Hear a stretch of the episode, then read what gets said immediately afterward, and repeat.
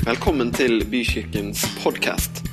For mer informasjon om oss cvvvbykirken.no.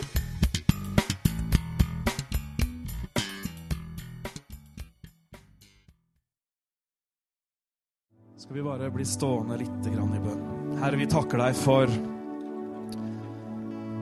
at vi har et sentrum å leve livene våre rundt. Takk, Herre, at eh, det finnes en kjerne, det finnes en stamme som vi kan være kobla på. Du som har det evige livet. Hvem andre skulle vi gå til? Det er jo du som har det evige livet. Vi takker deg, Herre, for denne søndagen. Takk for dette møtepunktet med hverandre og med deg. Jeg ber Herre om at du snakker inn i livene våre, sånn som bare du kan gjøre. Jeg ber om at du når hjertet vårt, sånn som bare du kan gjøre. Velsigne ditt navn, Herre. Og alle sammen sa amen. Vær så god og sitt ned.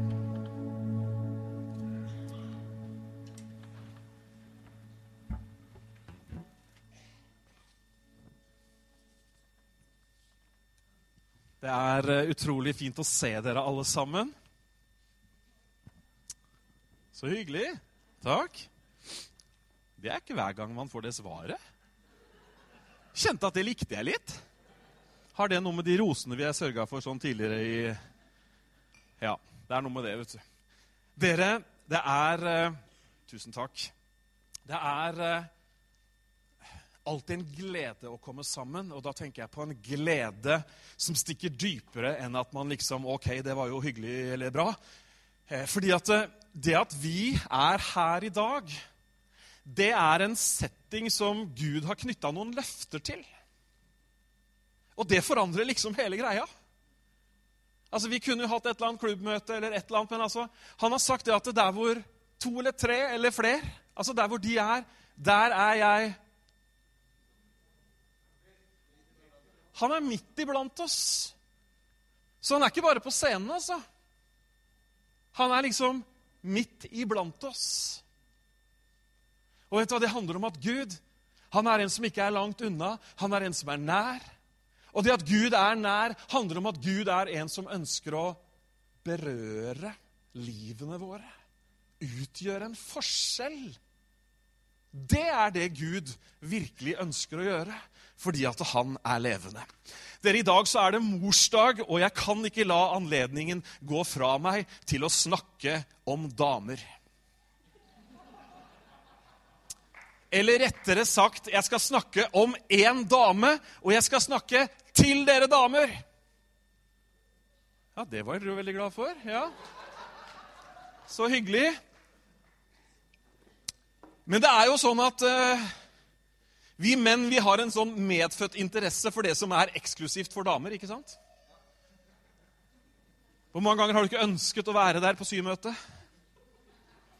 Hvor mange ganger har du ikke snikkikket inn i kvinner og klær? Hvor mange ganger har du ikke ønsket at du visste hva de klarte å prate så mye om? Er du med på tanken? Så i dag så snakker jeg til damer med full adgang for menn. ok? Det blir litt sånn feminint preg på det, for det er morsdag. altså. Og det er en dame som er liksom hovedpersonen i fortellingen jeg skal fortelle i dag. Og Derfor så har jeg kalt denne søndagens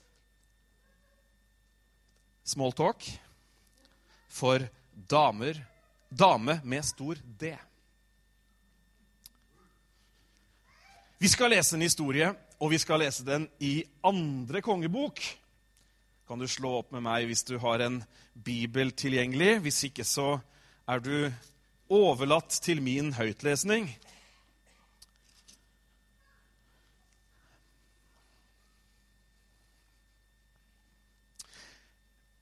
Det er en dame vi skal lese om, og navnet hennes står ikke engang nevnt.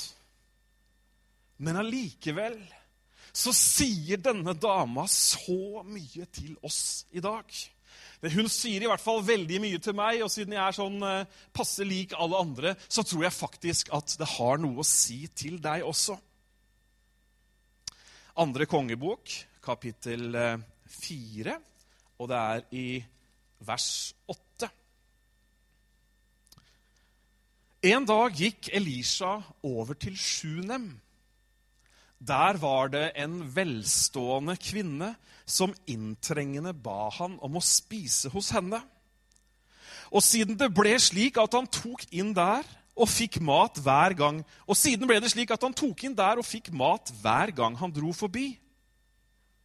En dag sa hun til mannen sin, Hør her. Jeg vet at han som stadig kommer innom oss, er en hellig gudsmann. La oss lage et lite takkammer.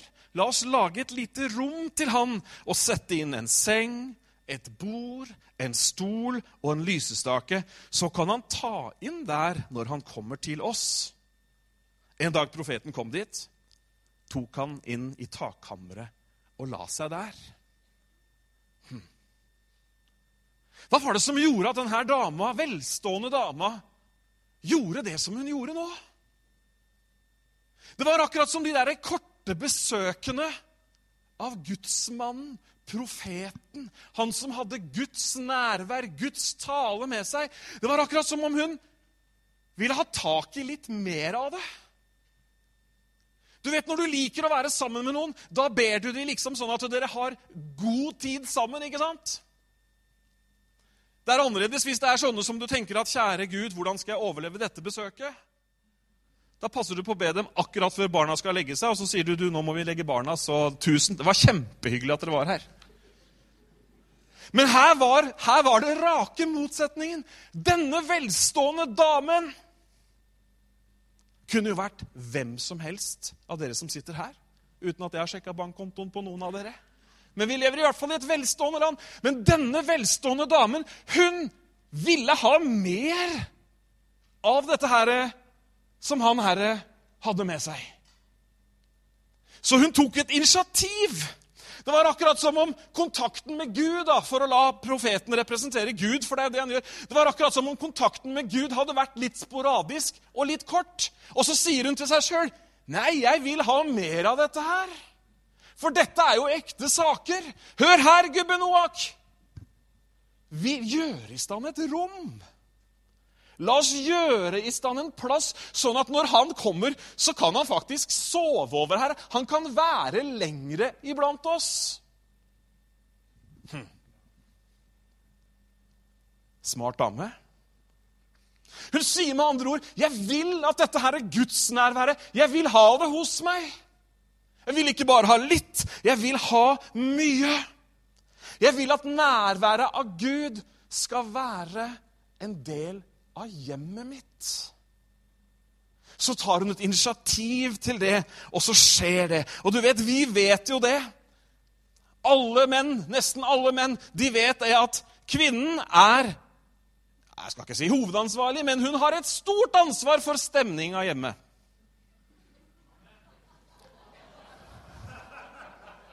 Altså, Ikke det du trodde. Jeg tenkte det at Hun har jo ansvar for lys, duker og servietter. Og gardiner. Og dekor ellers, ikke sant? Nå ser jeg noen begynner å diskutere seg imellom. Ta det etterpå. ta det etterpå. Men du skjønner at det er nå engang sånn at dere damer Dere har en spesiell plass. Det er jo merkelig at verden har blitt så ute av balanse på dette her som har med likestilling å gjøre. Og Det er nesten som om Gud visste det da han begynte å skrive Bibelen. For at Bibelen gjør jo ikke noe annet enn å løfte kvinnen opp og opp og fram og fram. Hallo, har du fått med deg det? Jeg tror Gud visste at det kom til å bli noen sånne mannssjåvinistiske tullinger som tok et og annet bibelvers og vrei på det og brukte det til å knytte, eller til å dytte halvparten av skaperverket ned for å fremheve seg sjøl. Men Gud visste det, han. Du har lest skapelseshistorien. Hva er det? Gud skapte og så det var godt. Gud skapte og så det var godt. Gud skapte Og så det var godt. Og så skapte Gud mannen, og da var det ikke godt. Vi trenger en hjelper. Har du, har, har, du, har du, lagt merke til det? Det er jo ganske utrolig. Det er liksom, Alt er bra, men så skaper vi mann. Nei, Der tror jeg vi må gjøre en justering. Ta det til deg, kvinne! Det er din dag i dag! Du er dame med stor D! Og som om ikke det var nok Hvem var det som fikk oppdraget å bringe verdens frelser inn i menneskeheten? Det var en kvinne som ikke skjønte noe av hvor mye Gud kunne, og hva han kunne. Men hun bevarte det i sitt hjerte. Yes. Halleluja. Og moderen i heimen, vet du Akkurat som denne kvinnen. Moderen i heimen har en påvirkning på heimen. Det er jo bare sånn. Forskningen viser jo det. At det er på en måte én ting som er det aller beste for barna. Uten, uten å prøve å tråkke på noens tær, så er det nå engang sånn at mamma spiller en helt spesiell rolle i et nyfødt barns liv og de første leveårene. Sånn er det. Og med den funksjonen så tenker jeg at det skulle gi kvinnene et stort fortrinn til å, gjøre, til å ha noe å gjøre med stemninga i heimen. Hør, damer. Dere kan skape rom. Dere kan bygge et takkammer. Dere kan skape rom en atmosfære, en stemning i hjemmet, som er 'her er Gud'. Der hvor han er, der er det godt å være. Det er nesten som om denne her velstående damen har hatt et sånt der, litt en og annen søndag-kristen livsstil. Ikke sant? Det er herlig å møtes, og det er fint å droppe innom. Men nei, vet du hva? Dette vil jeg ha! Hør her, mannen. Vi er jo vant til å høre akkurat det. Nå skal du høre her. Nå har vi noen planer her. Jeg regner med at dere har vært med på det, siden dere ler. Noen tør ikke å le, for de sitter ved siden av kona. Men ikke sant? hun tar et initiativ, og hun sier, 'Du, vi bygger et rom.' Denne dama, denne dama med stor D, hun skaper et rom. Det er ikke nok for meg tredje hver søndag, kjære mann. Det er ikke nok med noen dråper. Jeg vil ha dette i huset mitt. Det er dame med stor D. Kanskje trenger du, både dame og mann, å rydde plass hjemme hos deg. Rydde plass til noe som skaper en atmosfære, et miljø, som barna merker, og som alle andre som kommer innom, merker. Profeten han liker jo dette her. Neste gang han kommer, så tar han jo inn. Oi, du verden, dette er bra! Nå øker servicen her. Du går fra fire til fem stjerner. Kjører du på med svømmebasseng, så blir det en til. Så sier profeten til Ge Gehasi, som er tjeneren, rop på denne sjunem-kvinnen. Det er i vers 12 for deg som leser. Tjeneren ropte på henne, og hun kom bort til han. Elisha sa til han, si til henne Hør, du har hatt mye bry for vår skyld. Hva kan vi gjøre for deg? Kan vi tale din sak for kongen eller hærføreren? Kan vi liksom ordne noe på rammene i livet ditt her? Men hun svarte, jeg bor jo midt, blant, jeg bor jo midt iblant mitt eget folk. Hva kan jeg da gjøre for henne? spør profeten. Du vet, Noen damer de blir litt satt ut hvis de får det spørsmålet 'Hva kan jeg hjelpe deg med?' Eller 'Hva kan jeg gjøre for deg?' Unnskyld, hørte jeg rett? Er det ikke jeg som pleier å gjøre noe for deg? Altså, damene, mødrene, kvinnene, dere gjør jo utrolig mye. For barna, for mannen, for hjemmet. Hørt om den dobbeltarbeidende kvinnen? Det begrepet er ikke bare noen som har funnet opp. Det har, de har sin eh, grunn i realiteten. Så hun blir helt satt ut. 'Hallo, skal du gjøre noe for meg?' Altså, er det, er det den veien det spørres? Er det ikke jeg som tjener? Gud ved profeten sier til dama, 'Er det noe jeg kan gjøre for deg?'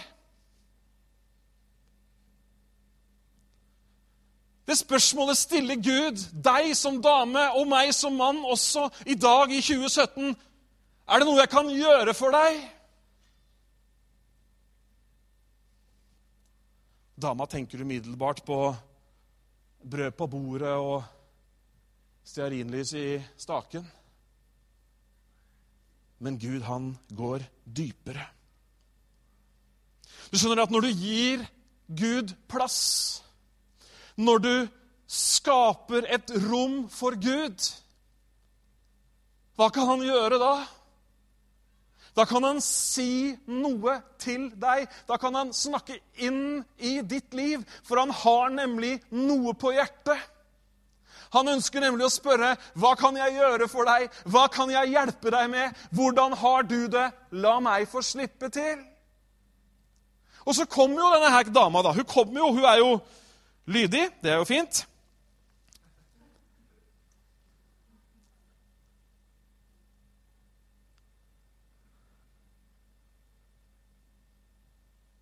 Så sier han Gesøy, Gehasi, mener jeg, hun har jo ingen sønn og mannen hennes er gammel. Han hadde lagt merke til et behov. Da sier profeten Elisha, 'Rop på henne.' Han ropte på henne, og hun kom og ble stående i døråpningen. Profeten sa, 'Nå er tiden inne.' Når tiden er inne, så skal du ha en sønn i armene. Der står hun i dørterskelen. Hun står formelig på vei inn i det neste kapitlet. Og det er Gud som snakker til henne og sier 'dette skal skje'. Og hva er hennes reaksjon? Nei! Nei!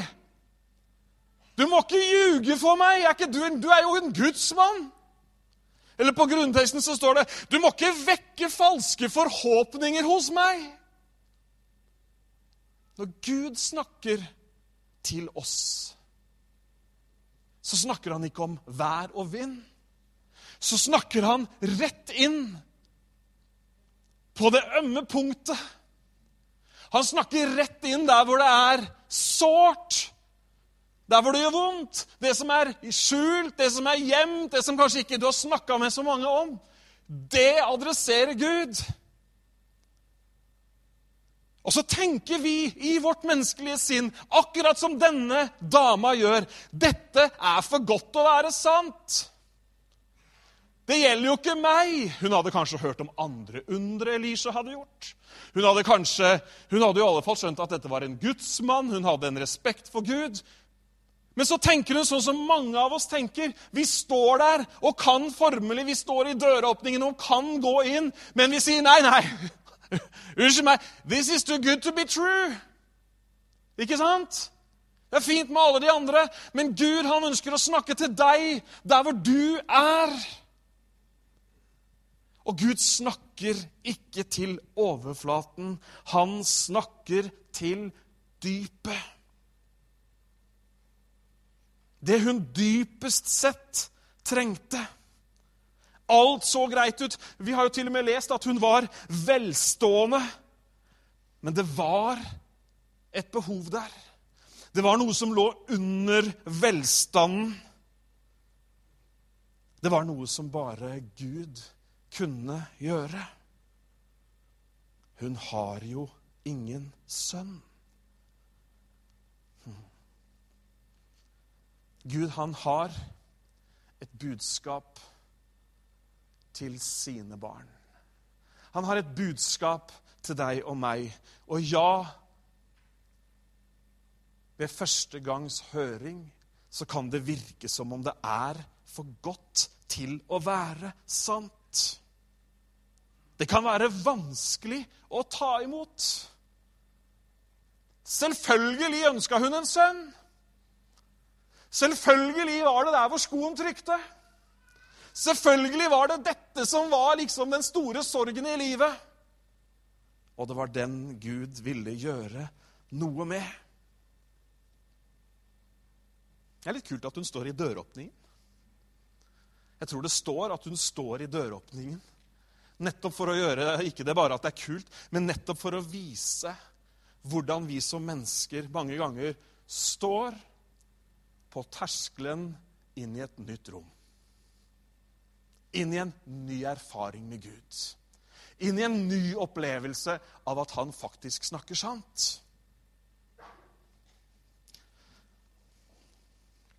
Hun stiller seg der. Egentlig så sier hun med kroppen sin 'Jeg er her. Jeg er klar.' Men så blokkerer hodet litt. Men hun har svart på Gud, Guds rop. Hun har kommet, og så står hun der på dørterskelen. Denne dama, hun gjør seg klar. Hun har skapt et rom. Hun har gjort seg klar. Og så går historien videre. Du skjønner at Gud han har nemlig den egenskapen at han ønsker, vil og kan snakke inn i akkurat din situasjon. Jeg kjenner ikke akkurat din situasjon, men Gud kjenner din situasjon. Og kanskje du har tenkt nå Nei, nei, nei, nei. Dette går ikke. Dette har vi prøvd før. Dette har vi hørt før. Eller kanskje du tenker jeg orker ikke å be en gang til. Jeg orker ikke å ta en runde til. Jeg orker ikke å nok en gang vende mine øyne mot himmelen og tro at hans løfte er sant, at barna mine også skal komme til tro.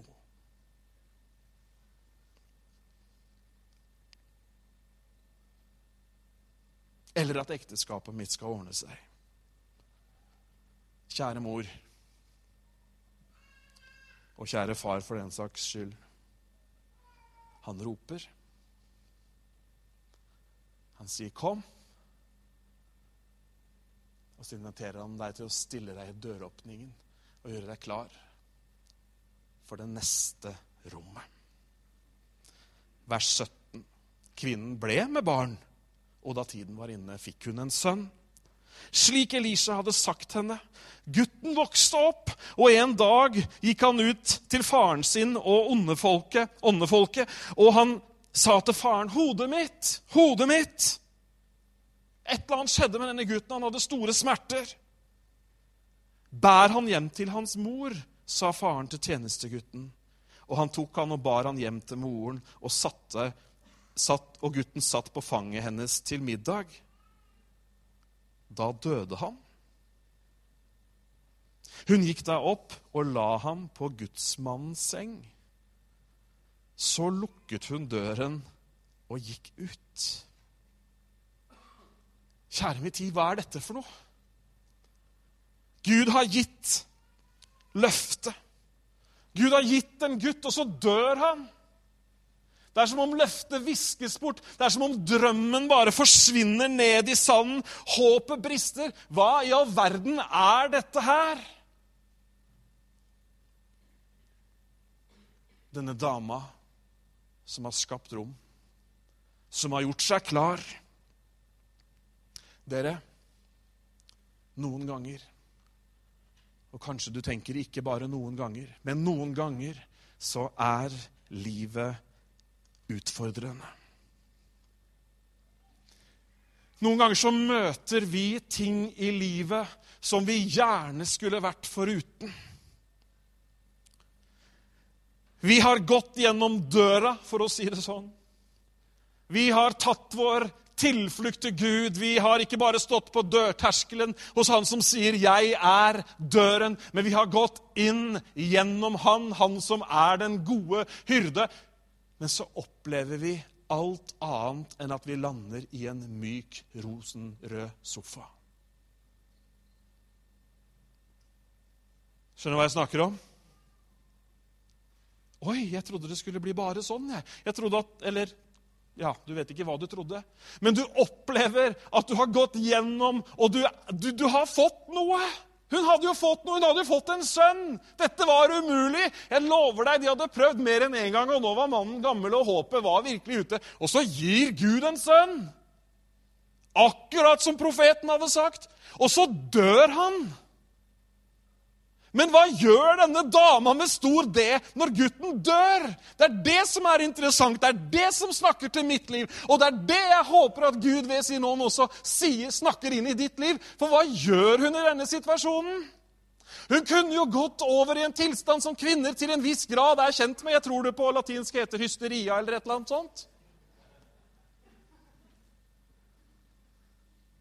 Hadde ikke det vært naturlig, da? Vet ikke åssen disse hysteriske hylene Jeg skal ikke prøve å etterligne det akkurat her og nå. Men hva gjør dama med stor D? Hun tar den døde gutten, og så går hun opp på takkammeret. Hun går opp på rommet. Hun går opp, hun går inn i det rommet som hun har skapt. Det rommet som er der etter eget initiativ. Det som hun egentlig bestemte, fortalte mannen sånn skal vi gjøre. Jeg er helt sikker på at han bare nikka og tok fram lommeboka. Det er dit hun går. Jeg veit ikke, men jeg lurer på om hun tenkte Så deilig at jeg har dette rommet. Så deilig at jeg har dette rommet, tiden, plassen i mitt liv som gjør at jeg har et sted å legge det som er for tungt for meg å bære. Dette klarer jeg ikke. Denne situasjonen er håpløs. Han er død! Kjenner ei dame som opplevde nesten det samme for noen år siden i London. Ta historien kort. Hun var sånn autorisert, registrert eh, barnepasser i nabolaget der hvor hun, der hvor hun eh, bor. Hun lever fortsatt. Jeg kjenner henne godt. Og Det var en eller annen sånn ordning da, at eh, De som hadde behov for dagmamma, barnepass osv., kunne da oppsøke disse som helsemyndighetene hadde godkjent. Og hun fikk da et barn inn. Tar imot det. Barnet leker. Så er hun inne på kjøkkenet og ordner et eller annet. Så sier Gud, 'Nå må du gå og se til barnet'. Kommer hun inn i stua, og så er gutten død. Gutten er død. Får ikke kontakt med han, tilkaller lege. Eh, gutten erklæres eh, død av legen som står der hjemme i stua. Legen sier eh, 'Hva er kontaktinfo til foreldrene?' 'Vi vet jo at du er registrert til å passe på barna osv., men nå må vi jo kontakte pårørende.' Og i hu og hast den morgenen så hadde hun ikke fått akkurat det. De bare måtte, ikke sant, Du skal rekke jobb, da har du mange minutter, kan du si. Leverte ungen og dro. Der står dama med en gutt som er død. De har ikke navnet på, på, på, foreldrene. Og legen sier, 'Nei vel, da er vi nødt til å ringe politiet.' Dette er alvorlig. Vet du hva Anita, som hun heter, gjør? Hun sier til legen, 'Vent litt'. Og så går hun inn i et rom, ikke et fysisk rom, men hun går inn i et rom som hun har skapt for lenge siden. Et rom som hun er godt kjent med.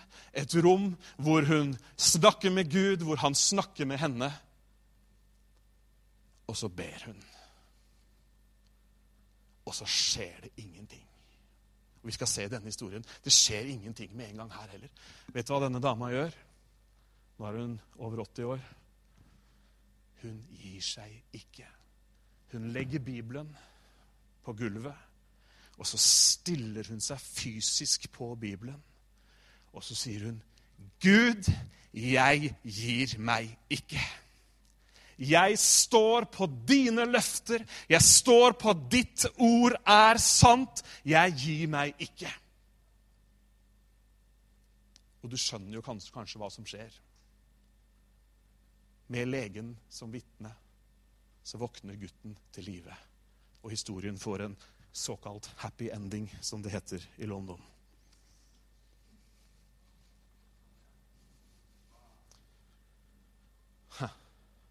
Hun kunne også gått over i den latinske tilstanden.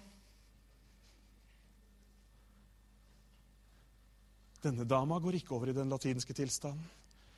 Hun legger gutten der hvor gutten kom fra for å si det på den måten. Hun legger ansvaret hos han som står bak. Og så sier hun til mannen sin Jeg vet ikke hvor mye denne mannen her får med seg. Han er ikke veldig fremtredende. Jeg vet ikke engang om hun sier at han er død. I hvert fall så sier hun OK, vi kan lese, så ikke jeg tar det helt fritt. Kvinnen ropte på mannen sin og sa, 'Send meg straks en av tjenesteguttene og et av eslene.' 'Jeg må skynde meg til gudsmannen, og så kommer jeg tilbake.' Han spurte, 'Hvorfor vil du dra til han i dag?' Det er jo verken nymåne eller sabbat. Det er nesten vet du, som han sier, 'Skal du i kjerka nå igjen?' Det er verken søndag eller life-gruppe på onsdag. Hva skjer, liksom?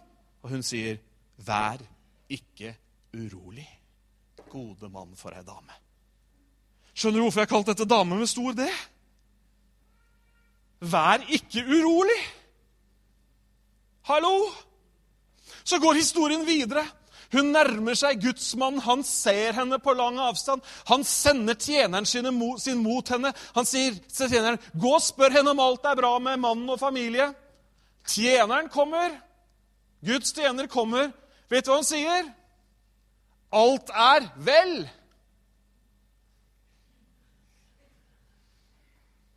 Du vet, Det er jo et eller annet sted her man skal vurdere innleggelse.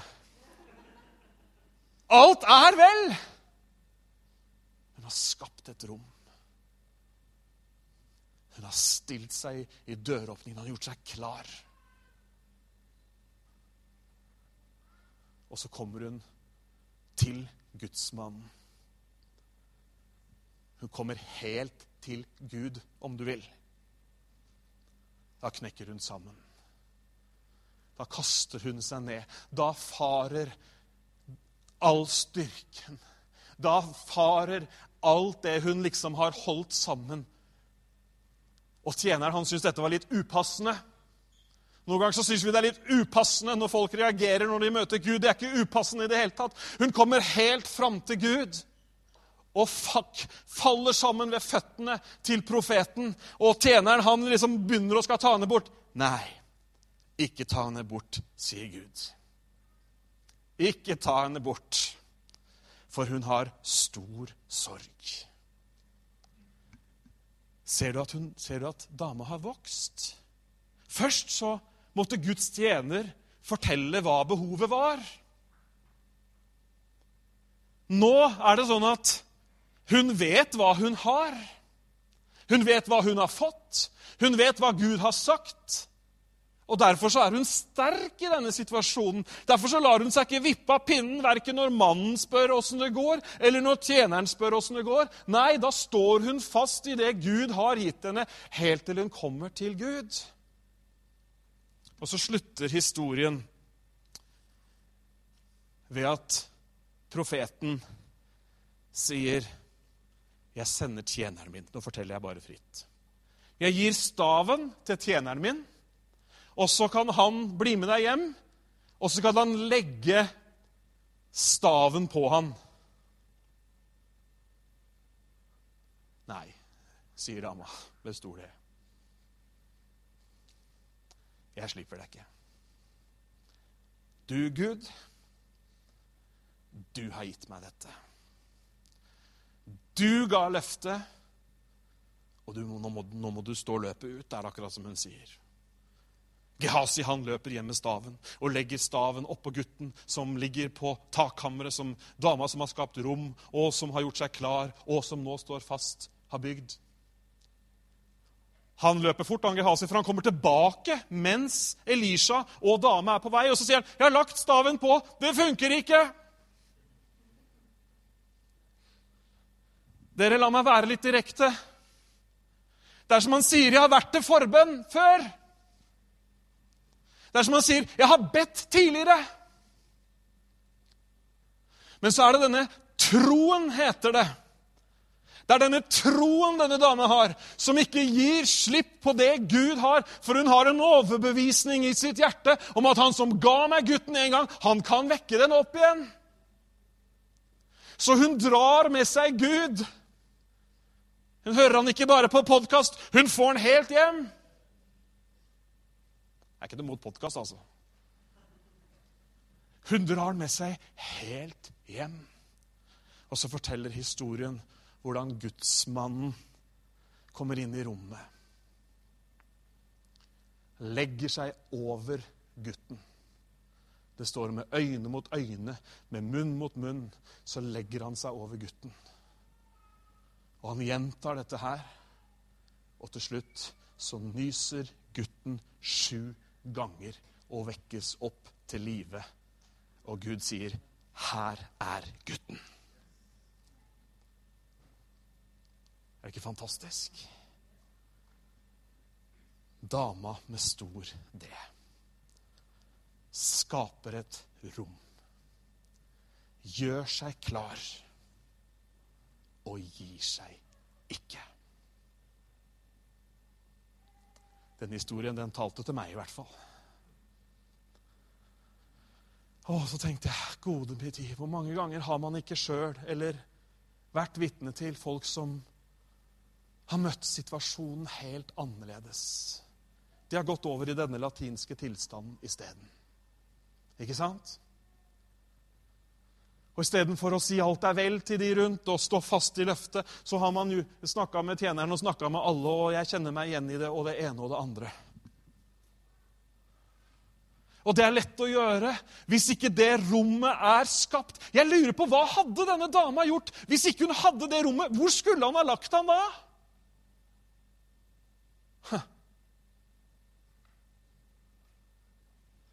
Kast alle deres bekymringer på Herren, for han bryr seg. Hm. Gud, han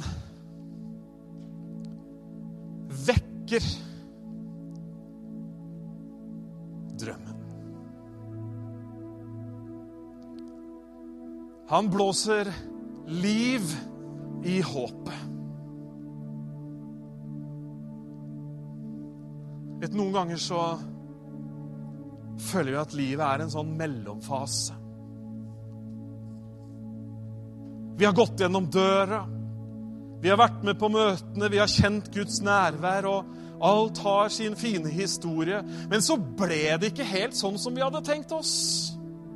Det kan være mange grunner til at ikke det blei sånn som vi har tenkt oss. Kanskje vi bare hadde tenkt oss det litt feil? Det ble liksom ikke helt det jeg hadde sett for meg. Og så går vi over i en sånn der mellomtilværelse. Vi, er liksom, vi har gått gjennom én dør, men så er vi liksom i gangen på vei til neste dør. Vi er litt sånn korridortilværelse. Jeg vet ikke om du har ligget på korridoren på sykehuset, men det er, ikke, det, det er, det er spennende første halvtimen, og så er det ikke så ålreit. Gøy å se på alt som kommer forbi, og så var det ikke noe moro lenger, syns jeg i hvert fall. Jeg var glad for at man fikk et rom igjen. Livet har mellomfaser, livet har korridorer. Men det som vi gjør feil noen ganger, er at vi slår leir i korridoren. Vi setter opp teltet. Nei, vi kan ikke si det i 2017. Vi parkerer bobilen. Og så er vi der. Og så tenker vi ja, her skal vi være. Så får vi la det dø, da, det som har dødd. Nei, det finnes en Gud som ikke gir seg. Det finnes en Gud som har gitt et løfte.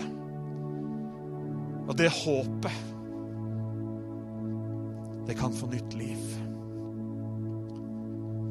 Det håpet kan få nytt liv. Drømmen du hadde. De ordene som du vet at Gud talte til deg det som du vet at ble lagt ned i ditt hjerte, det kallet, om så måtte være, som du vet at egentlig er der. Du føler at det er dødt.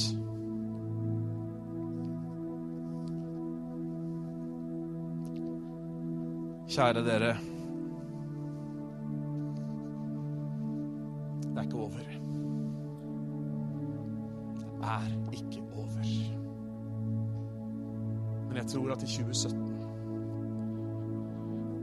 så må vi se på våre kalendere. Vi må se på vårt liv. Og så må vi gjøre som denne her kvinnen. Vi må skape et rom.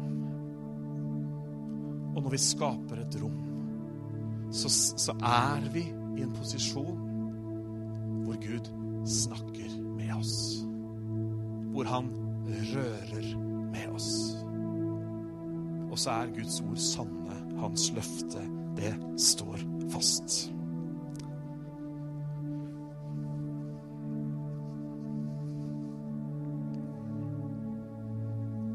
Kanskje du eh, på en eller annen måte er gjerne sånn når vi deler Guds ord. Kanskje du på en eller annen måte opplever at at noe av det jeg har sagt, eller deler av det, berører ditt liv. Ikke la det bare bli med at ja, å ja, det var kanskje noe der. Men ta det til deg. Handle på det. Kan vi ikke reise oss opp alle sammen? Vi skal om noen øyeblikk dele nattverden sammen.